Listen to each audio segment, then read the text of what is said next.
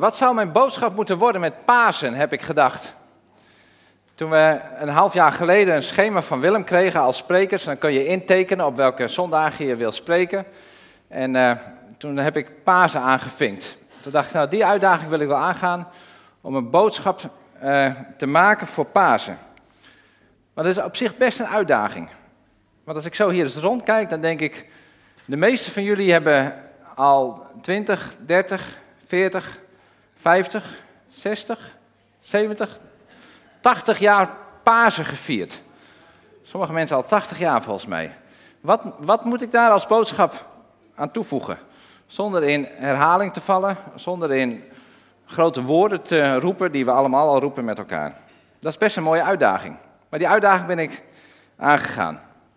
We weten dat in Goede Vrijdag Jezus voor onze zonde gestorven is. We weten dat we met Pasen zeggen, de Heer is waarlijk opgestaan.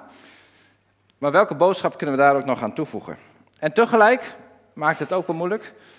Ik hoorde en ik las in het nieuws dat meer dan 50% van de Nederlanders niet meer vindt dat hij gelovig is. Die gelooft niet meer in een God. Dat is meer dan 50%. En 15% van de Nederlanders is lid van een kerk. En nog minder mensen geloven dat Jezus echt opgestaan is uit de dood. Dus een steeds grotere groep mensen snapt niet waar het met Pasen over gaat. Ik kreeg een paar weken geleden een grote envelop van de postcode loterij. En er stond op, het is voorjaar. Het Pasen komt er weer aan. Streep alle paaseitjes weg om te kijken wat je gewonnen hebt. Ik waar gaat het over? Iedereen wint toch iets met Pasen altijd? Nou, hoe dan ook, um, het is een hele uitdaging om deze twee boodschappen aan elkaar, deze publiek wat voor mij zit, om daarover uh, over na te denken. Toen dacht ik, misschien moet ik het ook wel anders doen. Moet ik de vraag wel neerleggen bij jou en bij u, van wat betekent Pasen voor jou? Wat betekent Pasen voor jou? En dan niet in de standaardwoorden en de standaardzinnetjes, die we allemaal kennen, die we vanochtend ook gehoord hebben, die allemaal hartstikke waar zijn. Maar voor jezelf eens nadenken van wat betekent Pasen voor mij? Als ik diep in mijn hart ga kijken, van welke woorden zal ik daaraan geven? Mijn eigen woorden. Niet de zinnetjes die ik aan de kinderen uitleg en niet ook de zinnen die ik uitleg misschien aan een collega of aan mensen die eh, heel anders in Pasen denken, over Pasen denken dan ik. Maar wat zijn jouw woorden? Wat zijn jouw zinnen? Wat is jouw verhaal? En toen dacht ik, als ik dat aan de mensen vraag, dan moet ik het zelf ook doen. Dus ik probeer zelf ook daar iets te doen. Dat is deel 1. Deel 1 probeer ik in woorden, in een voorbeeld duidelijk te maken wat Pasen, hoe ik Pasen zou duiden. Daar heb ik iets voor meegenomen, want soms helpt het als je iets meeneemt om iets te laten zien. En dat zijn twee takken die ik meegenomen heb. Misschien kan je het achterin niet helemaal goed zien, maar dat is deze tak en dat is deze tak. En dan ga ik u vragen, van welke tak is dood? Oh, je kan wel mooi wijzen. Deze, wie denkt deze? Nou, een hand omhoog. En wie denkt deze? Hier zitten knoppen in. Het is een beetje, beetje discutabel, hè? Vind ik. Eh, eigenlijk heb ik het antwoord niet helemaal precies. Maar wat ik wel kan vertellen, ook al zitten hier knoppen in, en hier nog niet, of niet, of niet meer. Beide takken zijn ten dode opgeschreven. Dat is wel triest. Want ze zijn, ik heb ze van de, de stam afgerukt. En als je een levende tak wil hebben, wat moet je dan doen? Dan moet je als tak zorgen dat je aan die boom blijft. Want die boom die zorgt voor leven. Als je aan die boom vastzit, aan de tak vastzit, dan krijg je van de boom stevigheid, maar je krijgt de sappen van die boom. En die sappen van die boom die komen in die tak terecht, die komen eerst in een grote tak en daarna in die kleine takken terecht. En die zorgen voor het leven. En eigenlijk is het ook wel een beetje jammer, eigenlijk, misschien moet je zeggen een beetje zonde dat ik die van de boom heb afgerukt. Toch? Want nu is het over en uit met deze takken. als we dan naar Pasen toe gaan, van wat is Pasen dan? En we nemen deze takken even mee in dit verhaal in ons achterhoofd. Dan kan je zeggen, Pasen is het feest van de verbinding. Van het nieuwe verbond. We hebben vrijdagavond, Wilma heeft dat verteld met avondmaal, hebben we het nieuwe verbond gevierd met elkaar, met het avondmaal. En als we ons vergelijken met die takken, dan zou je kunnen zeggen, wij zijn losgekomen, losgekomen van God. Wij zijn net als die takken ten dode opgeschreven. Ook al zien we er heel mooi uit op ons paasbest en doen we hele mooie dingen. We zijn los van de stam, we zijn losgekomen van het leven. En eigenlijk is dat hartstikke zonde. En dan de boodschap van Pasen. En de boodschap van Pasen is natuurlijk dat die zonde is weggenomen. Dat we opnieuw verbinding kunnen, in verbinding kunnen staan met God. Dat het leven, dat die levenssappen weer door ons heen mogen stromen. Als we weer in die verbinding zijn met God de Vader. Hoe mooi is dat? Dat we weer tot leven kunnen komen. Dat is volgens mij de boodschap van Pasen. Maar ik ga ook nog een klein stapje dieper om het voorbeeld nog iets ingewikkelder te maken. Op die bewuste, die bewuste Goede Vrijdag, hè, 2000 jaar geleden, is er in feite een aanslag gepleegd op die hele boom, op die hele stam, op die wortels. Met de bedoeling om die boom in één keer om te vellen, om het leven helemaal uit die boom te halen. Al zaten de takken nog netjes vast aan die boom, de aanslag was bedoeld om die boom te vellen, zodat het hele leven uit die boom zou komen. En die hele boom was ten dode opgeschreven. Het doel was om de bron van het leven aan te vallen en die te vernietigen. Gods tegenstander, de Satan, we hebben er net over gezongen, die was erop uit om Jezus te vermoorden. En door hem zou alles dood gaan. Je zou kunnen zeggen dat is best een slimme set van Satan, want je pakt het bij de wortel, je pakt het bij de bron aan. Want Jezus is de bron van al het leven. Als je in Romeinen leest, Romeinen 11, vers 36 staat, uit hem is alles ontstaan, alles is door hem geschapen en alles heeft zijn doel in hem. Dus de aanval van Satan was heel gericht, pak de bron van het leven aan en het is over en uit in deze wereld. Als je Johannes 1 leest, het eerste paar versen van Johannes, dan gaat het over het woord. En als je dan bedenkt dat het woord, dat het Jezus is, dan staat er in het begin was het woord. Het woord was bij God en het woord was God zelf. In het begin was het woord bij God. Alle dingen zijn door het woord gemaakt. Werkelijk alles wat er is, bestaat doordat het woord het heeft gemaakt. In het woord was het leven en het leven was het licht voor de mensen. Het licht schijnt in het donker en het donker heeft het niet uitgedoofd. Alles komt door Christus vandaan. En Satan heeft gedacht, ik pak het bij de bron aan, de bron gaat dood en het is over en uit in deze wereld. En het leek succesvol. Maar op de derde dag bleek het toch anders uit te pakken. Het bleek een fiasco te zijn geworden voor de Satan. Want sterker nog, het werd niet de ondergang van Jezus, het werd niet de ondergang van het leven, het werd de ondergang van Satan zelf. Het tegenovergestelde werd bereikt. De dood van Jezus was niet de dood van de mensen, maar was juist het leven van de mensen. Je zou kunnen zeggen, Satan stak zelf het offer aan, waardoor de mensheid werd gered, zodat we tot leven kunnen komen. Ik moest denken, het lijkt een klein beetje op wat er nu in deze wereldgeschiedenis gebeurt. Rusland dacht, ik pak Oekraïne wel even aan. En nu lijkt het erop, en dat hopen we dan eigenlijk ook, dat de rollen zijn omgedraaid. Nu wordt Rusland aangepakt en het tegenovergestelde wordt bereikt. Oekraïne wordt lid van de NAVO, Finland en Zweden melden zich aan. Het is een heel ander, het pakt heel anders uit dan dat ze gedacht hadden. Zo was het voor Satan, pakt het ook anders uit. Hij dacht de dood te brengen, maar uiteindelijk werd dat het leven. De boodschap van Pasen, zoals ik daar een beetje mee heb zitten stoeien, om het in mijn eigen woorden uit te leggen. En ik wil je uitdagen om ook in je eigen woorden na te denken, hoe zou ik Pasen uitleggen? Hoe zou ik dat aan andere mensen vertellen? Of hoe zou ik het in ieder geval aan mezelf uitbeelden? En de een die doet het met woorden, de andere doet het met een mooie dans, weer de ander heeft een mooi bloemstuk, weer de ander doet het met muziek. Misschien maakt iemand anders wel een mooi computerprogramma, een zandbak, in de zandbak iets uitbeelden, maar ik wil je uitdagen om op jouw manier het evangelie, de, de baasboodschap uit te beelden, te vertellen, zodat het door je hoofd heen gaat en door je heen gaat en het woorden gaat geven. En dat is even stoeien, en dat is, maar uiteindelijk is het heel mooi, waardoor, in ieder geval, ik vind het mooi om daar weer een stukje diepte van te krijgen. Nou, dat is de eerste opdracht die ik je meegeef, en het hoeft natuurlijk helemaal niet, maar uh, um, als je wil, kun je daarmee aan de slag. En dan komen we bij deel 2. Ik heb daar verdieping bij staan, want het was voor mij ook een beetje stoeien om voor al die mensen die al 30, 60, 70, 80 jaar paasfeest vieren, om er toch nog weer iets mee te geven. En weer een nieuw inzicht. En ik geloof dat we allemaal ieder jaar de uitdaging moeten aangaan om steeds weer die verdieping te zoeken. Als het paas is, als het kerstfeest is, als het pinkster is, om steeds weer die verdieping te zoeken en weer nieuwe dingen te ontdekken van wat het feest betekent. Zodat we steeds meer onder de indruk raken van wie God uiteindelijk is. En misschien is dat ook wel de reden dat je hier in deze dienst zit, om juist die verdieping te willen hebben en te willen krijgen. En misschien denk je wel, daar ga ik ook niet te hard voor werken, want daar hebben we een spreker voor ingehuurd, dus die moet het dan maar doen. En dan horen we het wel. Nou, ik kan je vertellen, het is veel leuker om het zelf te doen.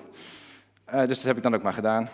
En ik werd ervoor betaald, dus dat scheelt dan ook allemaal weer mooi. Dus ik ga jullie proberen iets daar, uh, daarin mee te nemen. En ik hoop dat het iets nieuws is. Voor mij was het, zat er wel weer een nieuw aspect aan. En ik neem je mee daarom naar de brief van Filippenzen. Filippenzen 3, vanaf vers 7. En dat is het Nieuwe Testament en je mag meelezen.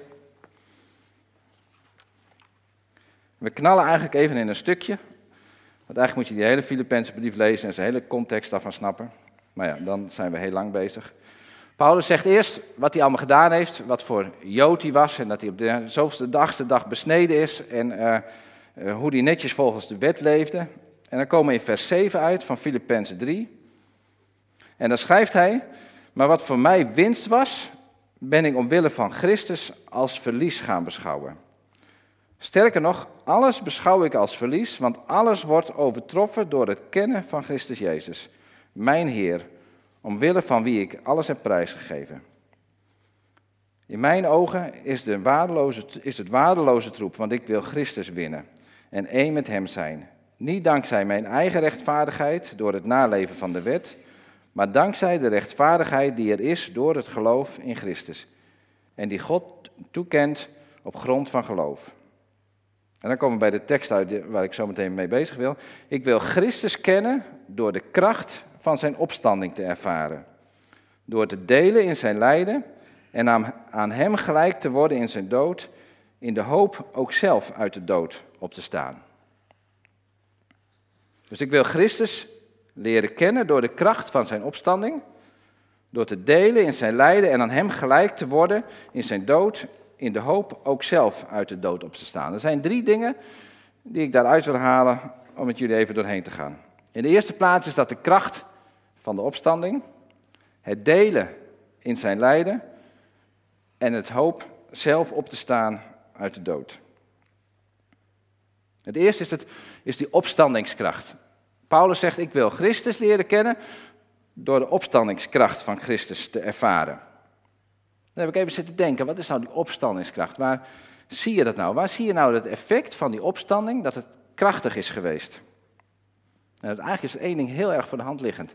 Is dat wij hier met elkaar, 2000 jaar na dato, nog met z'n ochtend, ochtend hier uit bed komen en hier met z'n allen het paasfeest vieren.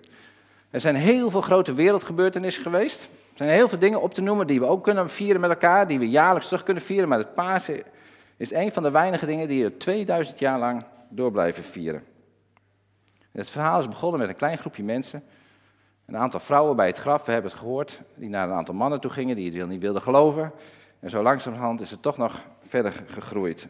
En is het een, een kracht geworden waarin de hele wereld en door de hele geschiedenis heen het Pasen steeds gevierd wordt. Als je het hebt over opstandingskracht, over een kracht, dan is dat een kracht die zichtbaar wordt. Menig regeringsleider, menig persoon die zou willen dat er 2000 jaar later nog over hem gepraat wordt en er nog ieder jaar een feestje wordt gevierd. Zo ervaren we de opstandingskracht ieder jaar en ieder moment weer opnieuw. Maar er zit meer kracht in die opstanding. Die, opkracht, die opstandingskracht geeft ons ook een heel ander perspectief op ons leven. Want we hebben het al gezegd, de dood heeft niet meer het laatste woord. De dood is niet meer die het voor het zeggen heeft. De dood is dood en het leven gaat na de dood verder. Als Jezus nu zou uit de dood is opgestaan, dan zou hij volgens mij de Nobelprijs krijgen, denk ik. Want dat is zoiets bijzonders wat hij gedaan heeft. Maar wij weten daardoor dat ons perspectief veranderd is. Het eindigt niet meer als wij komen te overlijden, maar het gaat door. Ook na ons overlijden gaat het leven door. En voeg daarbij de komst van het koninkrijk. En als we die erbij voegen, dan weten we ook van hoe in deze wereld ook, in wat voor ellende we ook zitten met elkaar, wat er ook gebeurt in deze wereld, het koninkrijk van God komt en het leven daarvan zal deel hebben aan ons. Dat is hoop. En dat is een hoop die we hebben gekregen, perspectief die in ons leven verandert. Want stel je eens voor, en dat is juist voor die mensen die zo vaak paas hebben gevierd, best wel heel moeilijk. Stel je voor dat de dood wel het laatste woord is. Stel je voor, je overlijdt en daarmee is het voorbij. Waar is dan je toekomst, perspectief, waar is dan onze hoop? En veel mensen die denken dat het daarmee voorbij is. De kracht van de opstanding maakt dat we heel anders naar onze wereld kijken, naar ons eigen leven en naar de geschiedenis om ons heen kijken. En het derde punt van die opstandingskracht, ik weet bijna zeker dat de meesten van u dat ook ervaren in ieders eigen leven. In, ik ervaar het in mijn eigen leven. En ik, ik, ik ga er ook heel vaak aan voorbij, weet ik. Maar als ik tijd neem om stil te worden, als ik tijd neem om die verbinding met God weer te zoeken, en niet eventjes vlak voor het eten, heren, zegen dit eten om Jezus wil amen, maar als ik stil ben en de tijd neem in de auto, in de natuur wandel, of gewoon de tijd nemen om Gods woord te openen, dan ervaar ik Gods nabijheid. Dan ervaar ik zijn vrede, zijn liefde, zijn shalom. Dan ervaar ik die opstandingskracht heel dicht, diep in mij, zijn kracht dat Hij er is. En dat Hij mij vrede geeft en dat Hij me van binnen rustig maakt en gelukkig maakt en me diep tevreden maakt hoe ik mag zijn als mens. En zo is die opstandingskracht heel groot en tegelijk ook heel dicht bij mij. En zo kan ik Paulus beamen als Paulus zegt: Ik wil Christus leren kennen door zijn opstandingskracht te ervaren. En zo leer ik Christus kennen. En ik weet niet hoe het bij jou zit. Ik weet niet of jij dat verlangen ook hebt. Maar ik, mijn verlangen is dat meer mensen dat gaan ervaren. Dat je die opstandingskracht van Christus in je eigen leven mag ervaren. En ontdekken gaat hoe geweldig groot en krachtig dat is. Dat zijn misschien niet hele grote happeningen. Zo ervaar ik het niet. Maar het is net als dat sap wat in zo'n tak terechtkomt. Een langzame stroom, een stille stroom, een stille stilte die in je leven is. En die je de zekerheid geeft en de rust en het vertrouwen geeft. En dat wens ik ook jou van harte toe. En dan komen we in het tweede stukje van die tekst uit. En dat gaat, daar staat dat we delen in zijn lijden en aan hem gelijk worden in zijn dood. Dat vond ik wel een lastig stukje, moet ik zeggen. Want ik dacht, ik wil helemaal niet lijden. Ik wil helemaal niet delen in zijn lijden. En ik moet je eerlijk zeggen ook, ik vind Pasen ook vele malen mooier dan Goede Vrijdag. Pasen is een feest van feest. En Goede Vrijdag is altijd een beetje moeilijker, te neergeslagen. Er zijn ook minder mensen op Goede Vrijdag dan met Pasen. Misschien heeft het daar ook wel mee, mee te maken dat je dat herkent. En toen we, Martijn en ik waren, eh, waren bezig om iets te zoeken voor de kinderen. En toen kwamen wij dit filmpje uit. En ik moet je vertellen, toen ik dat filmpje zag, dat was vijf minuten, dacht ik, oh, we skippen dat Goede Vrijdag deel even. En dan, doen we, dan komen die, die, vrouwen komen bij het graf. En dat is dan mooi twee minuten. En dat past ook beter in de dienst. Uh, want ik, die Goede Vrijdag, dat, zo'n, dat is een beetje een, een moeilijk stukje. We hebben, vroeger was er ook, ook, die, ook die film, ik weet niet of je dat kent, The Passion of Christ heette dat volgens mij. En daar moest je eigenlijk ook naartoe, want dat was het lijden van Christus heel goed zichtbaar. En dat zou je heel erg onder de indruk van zijn. Ik ben daar nooit geweest, want ik, ik vind het lastig. Ik heb meer met Pasen dan met Goede Vrijdag, zou je denken. Want ik wil niet lijden, ik hou niet van lijden. En u misschien ook niet. Maar ik heb wel ontdekt dat zonder Pasen, zonder Goede Vrijdag is er geen Pasen. En Pasen is niet los verkrijgbaar van Goede Vrijdag. Er is geen opstanding als er niet ook een lijden, als er ook niet een sterven is. En Paulus die heeft dat door. En Paulus zegt van ik wil Christus leren kennen en ik wil delen in zijn lijden en gelijk worden aan hem in zijn dood. Dat is nogal wat. Dat vond ik nogal wat. Daar heb ik even op zitten kouwen, moet ik zeggen. En het is ook wel een lastig stukje. En misschien kan je het ook wel verkeerd begrijpen als ik het uitleg. Nou, dan hoor ik het graag. Ik wil met je naar 2 Korinthe 4, vers 7 tot 15.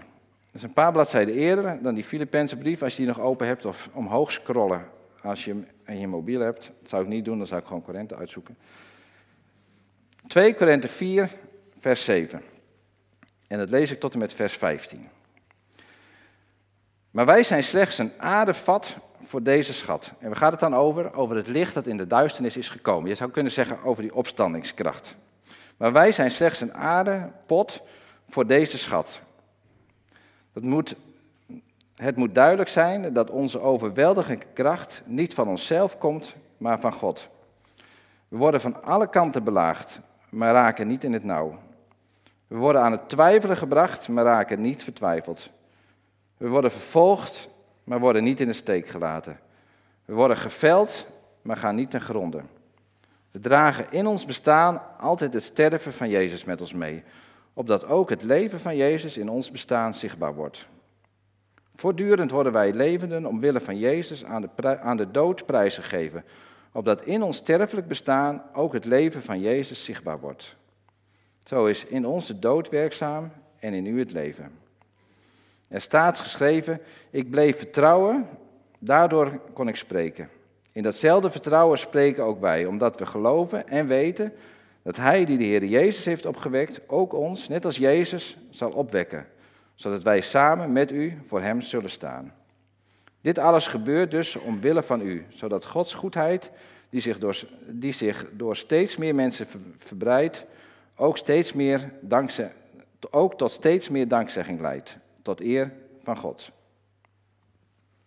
Dat is best een pittig stukje, wat we, wat we met elkaar lezen.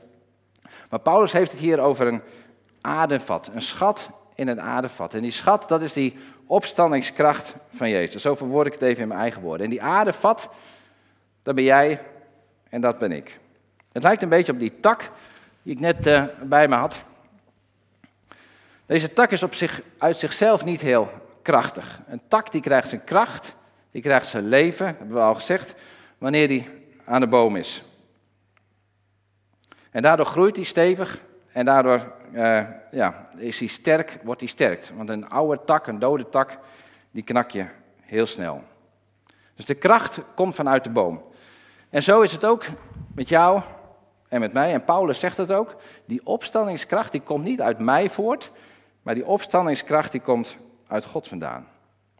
En zo is onze levenskracht, de kracht waarmee wij dagelijks leven, zou uit die opstandingskracht moeten komen. En niet uit allerlei andere dingen. Je kan aan die tak zien, er zitten hele mooie dingen aan, mooie blaadjes aan en mooie knoppen aan. Je zou kunnen zeggen, daar komt de kracht vandaan. En zo zou je bij ons ook kunnen denken, onze kracht komt voort vanuit de dingen die we allemaal kunnen. Of de dingen die we allemaal hebben, of alle dingen om ons heen, alle materiële zaken. Het geld dat we hebben, het aanzien dat we hebben. Maar Paulus zegt in de Filipens, wat we net gelezen hebben, dat zou van mij allemaal bullshit zijn, dat mag allemaal weg, dat is schade, want ik wil Christus leren kennen. Het gaat mij niet om al die uiterlijkheden, maar het gaat mij om die opstandingskracht die er is. En dan komen we bij dat lijden uit. En Paulus noemt het hier. Hij zegt, we worden van alle kanten belaagd. Nou, reken maar dat dat lijden is, maar we raken niet in het nauw. We worden aan het twijfelen gebracht. Nou, dat is echt niet fijn. Maar we worden niet vertwijfeld. We worden vervolgd. Nou, dat heb ik nooit meegemaakt, maar dat is echt niet fijn. Maar we worden niet in de steek gelaten. We worden geveld, we worden onderuit gehaald, we worden gedood misschien wel, maar we gaan niet ten gronde. Met andere woorden, het lijden is allemaal om ons heen. We lijden van alle kanten. En je zou kunnen zeggen, het leven zit vol met lijden. En als je Jezus volgt, krijg je er soms nog een portie bij. Maar Paulus zegt, al dat lijden, dat is er wel, maar het vloert me niet en het haalt me niet onderuit. Sterker nog, er staat in vers 7, we dragen in ons bestaan altijd het sterven met Jezus met ons mee, opdat ook het leven van Jezus in ons bestaan zichtbaar wordt. Dus door het lijden heen wordt de opstandingskracht juist zichtbaar. Wij zijn aardevaten. Jij en ik, we zijn aardevaten. De ene is wat stoerder en sterker dan de ander, maar uiteindelijk zijn we allemaal kwetsbaar en breekbaar en broos. En we hoeven maar een tikje te hebben en we lijden schade en we, we hebben stress en we hebben pijn. Kwetsbaarheid is van ons allemaal.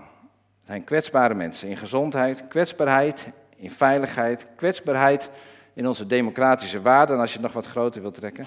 En het lijden is om de hoek. Het komt bij ons binnen En je zou kunnen zeggen, het hoort bij het leven wat we hier op aarde hebben. Maar in die kwetsbaarheid, in dit broze vat, in die aardevat, zit die schat. En het lijden wat we meemaken, de ellende die we meemaken, zegt Paulus, dat, dat, dat, dat weegt niet op tegen de schat die in die aardevat zit.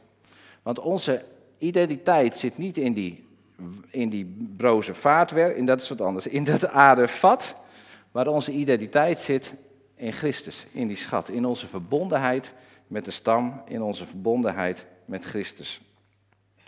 En die schat, dat is ons leven. En die schat die vergaat niet, staat ergens anders, die vergaat niet door mot of roest.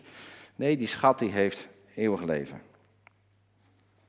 En toen ik dit voorbereidde, dacht ik wel, ik zeg het ook met enige schroom. Ik heb niet heel veel lijden en anderen hebben dat wel momenteel. Maar ik wil het juist ook geven als een, een bemoediging voor je. Als je een bemoediging van dat die opstandingskracht in jou je identiteit mag zijn. Dat die opstandingskracht in jou het leven mag zijn. Dat je kracht mag putten uit die opstandingskracht die we vandaag mogen vieren met Pasen. Of als je het in helemaal mooi Bijbels jargon wil zeggen, dan zeg je als je in Christus bent, dan vind je daar het leven. Pak Romeinen achter maar bij en er staat, niets kan ons scheiden van die liefde van Christus. Niets kan ons scheiden van het leven wat Christus ons geeft. Of het nou tegenspoed is, ellende of vervolging of honger, gevaar of het zwaard. Niets zal ons scheiden van die liefde van Christus. En Paulus zegt eigenlijk met deze woorden, door te delen in zijn lijden leer ik Christus kennen. Door het lijden heen wordt juist de kracht van God steeds zichtbaarder. En ik denk als we kijken naar de praktijk om ons heen, dat we misschien allemaal wel mensen kennen, of misschien ben je zelf, heb je zelf die ervaring, dat als je ontdekt hoe broos je bent, hoe kwetsbaar je bent, sommige mensen die ouder worden, worden heel kwetsbaar, sommige mensen die ziek zijn, zijn heel kwetsbaar, dat die juist ontdekken dat die schat in die aardevat, dat die kracht geeft en dat die hoop geeft. En dat je mensen om je heen kent, of gekend hebt, die juist dat getuigenis geven. Dan in die moeilijke tijd van hun leven, dat ze juist die opstandingskracht met je willen delen en dat je non-verbaal en verbaal aan hun kunnen zien dat dat hun identiteit is, dat dat hun leven is. En ik wens jou toe en ik wens mijzelf toe dat we dat ook mogen uitstralen als we in zo'n situatie terechtkomen. En dan komen we bij het derde punt uit. In de hoop ook zelf op te staan uit de dood. En dan ga ik afronden en dan uh, gaan we weer met de muziek verder. Ook daar kun je een hele preek over houden. In de hoop ook zelf op te staan uit de dood. En als ik denk aan opstaan uit de dood, dan denk ik vooral ook aan het woord herstel. Dat God gaat herstellen. Dus als we Hem mogen kennen, dat we de opstandingskracht mogen zien en dat we het lijden in ons leven, daar die opstandingskracht mogen ervaren, dat we dan ook zien dat God gaat herstellen. Is het niet hier nu, in deze tijd, dan gaat het zeker gebeuren dat later. En dat is onze stip op de horizon. Dat is de stip waar we met z'n allen naartoe mogen gaan en waar Pasen het bewijs van is. Dat er straks geen honger meer is, dat er geen dood meer is, dat er geen zorgen meer zijn, dat er geen ziekte, geen gepest meer is, en dat er geen buurman bolderbast meer is die het leven zuur maakt, maar dat het vrede is en liefde is. En dan ontdekte ik nog één dingetje. Want waar ik een beetje op zat te struikelen is het woord van Paulus. In de hoop ook zelf op te staan uit de dood. Ik dacht, nou, dan mag wel iets zelfverzekerder zijn, Paulus. In de hoop, ik zou het toch zeker willen weten. En toen las ik dat stukje van 2 Korinthe. En daar staat, in datzelfde vertrouwen spreken ook, ook wij, omdat we geloven en weten dat Hij die de Heer Jezus heeft opgewekt, ook ons, net als Jezus, zal opwekken, zodat we samen met u voor Hem zullen staan. Toen heb ik even gekeken, Filippenzen, die brief is zeer waarschijnlijk eerder geschreven dan de 2 Korinthebrief. En toen dacht ik, wat is het mooi. Paulus, het lijkt wel, en dat is een beetje mijn interpretatie, dat hij toen nog een beetje de hoop had. En dat hij later zegt, nee, maar het is zeker weten. We mogen zeker weten, hij hij gaat ons voor, hij is ons voorgegaan en we mogen opstaan uit de dood. Dat is een zekerheid wat we mogen weten.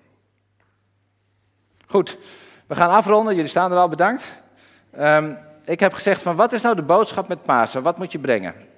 En ik hoop dat ik je uh, heb aangemoedigd om zelf iets uit te beelden. Zelf iets te doen, in je eigen woorden, Pasen te gaan vertellen. Hoe je dat ook maar doet. En misschien wil je dat delen met ons, zoals het bloemstuk gedeeld is, de dans met ons gedeeld is, maar misschien doe je het ook wel niet. En ik hoop dat ik je uitgedaagd heb om steeds weer een laagje dieper te gaan. Nu ook met Pasen, van wat betekent het nou echt voor mij?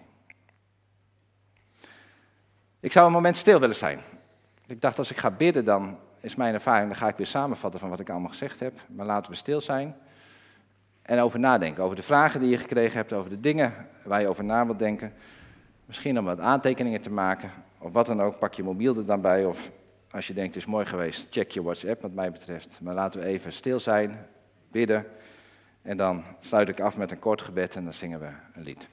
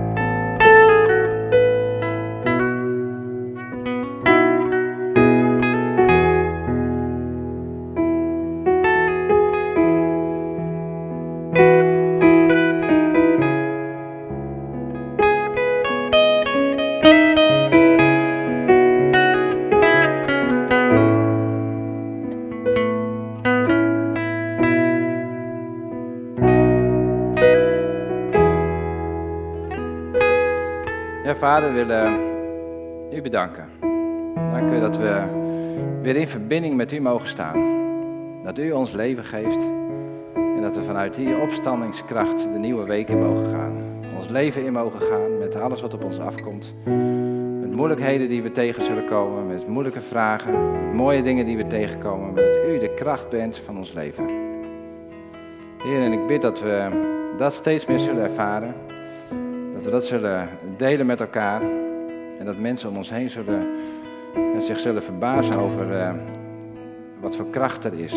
Niet onze kracht, maar uw kracht. In Jezus' naam. Amen.